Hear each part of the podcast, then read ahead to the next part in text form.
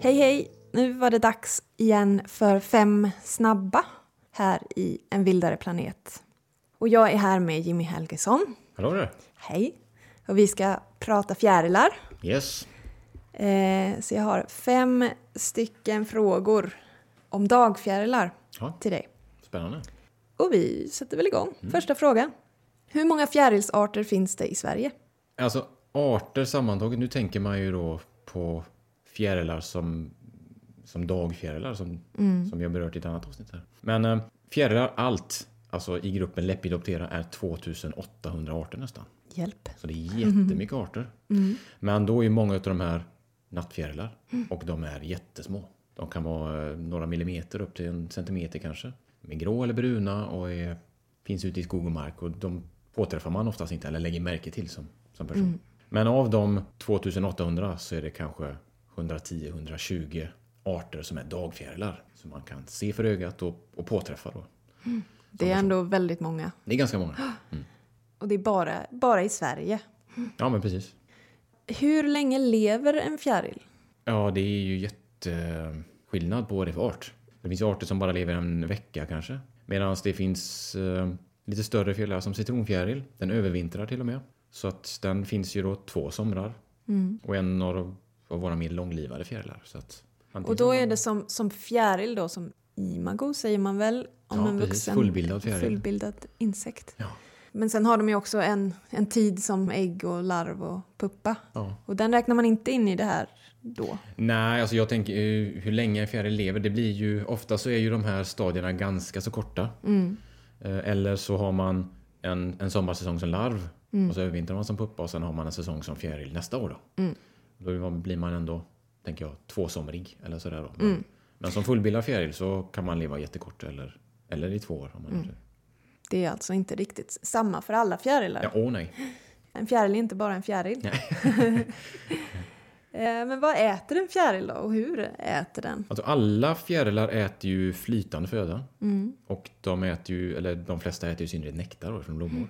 Men det finns flera arter som dras till eh, övermogen frukt, fallfrukt. Eh, Som blir lite eh, blöt och god sådär i de och, och äter. Och det gör de ju då med en sugsnabel. Så under huvudet så sitter det en, en hoprullad liten snabel. Beroende på vad man är för fjäril så har man olika lång eller kort snabel. Beroende på vad för växt man är specialiserad till. Då. Men med den så suger man i sig den här vätskan. Och det är ofta sötare vätskor. Man har ju sett, eller man har ju sett, jag har sett fjärilar på savande träd Ja. till exempel. Det blir precis samma sak då. Alltså, att, eh, alltså lätt eller trögflytande vätskor kan de suga i sig. Sen kan man ju till och med om man efter regn eller sådär se fjärilar vid vattenpölar. Och eh, då sitter de ju antingen, ofta inte bara och dricker vatten utan de får i sig även salter då. Ifrån grus och sånt där. eh, Som då har frigjorts i vattnet. Men vätska kan man säga att de äter då. Ja. Stämmer det att fjärilar har en av världens bästa näsor eller luktsinne? Jag vet faktiskt inte. Alltså, det finns ju många nattfjärilar eh, som har jättekänsliga antenner. Dagfjärilar har ju ofta bara eh, en rak antenn med en liten knopp på. Eh, med receptorer då för att ta emot doftämnen och sådär.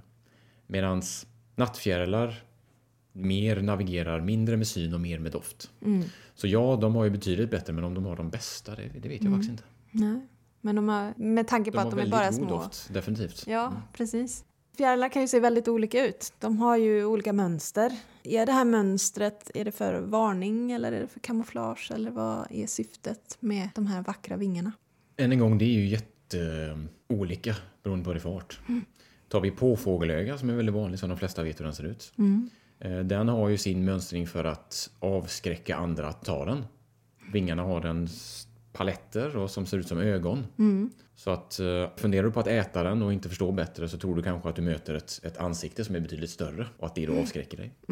Men det är inte att de är giftiga på något sätt? Nej, vi har egentligen inga, så vitt jag vet, giftiga fjärilar.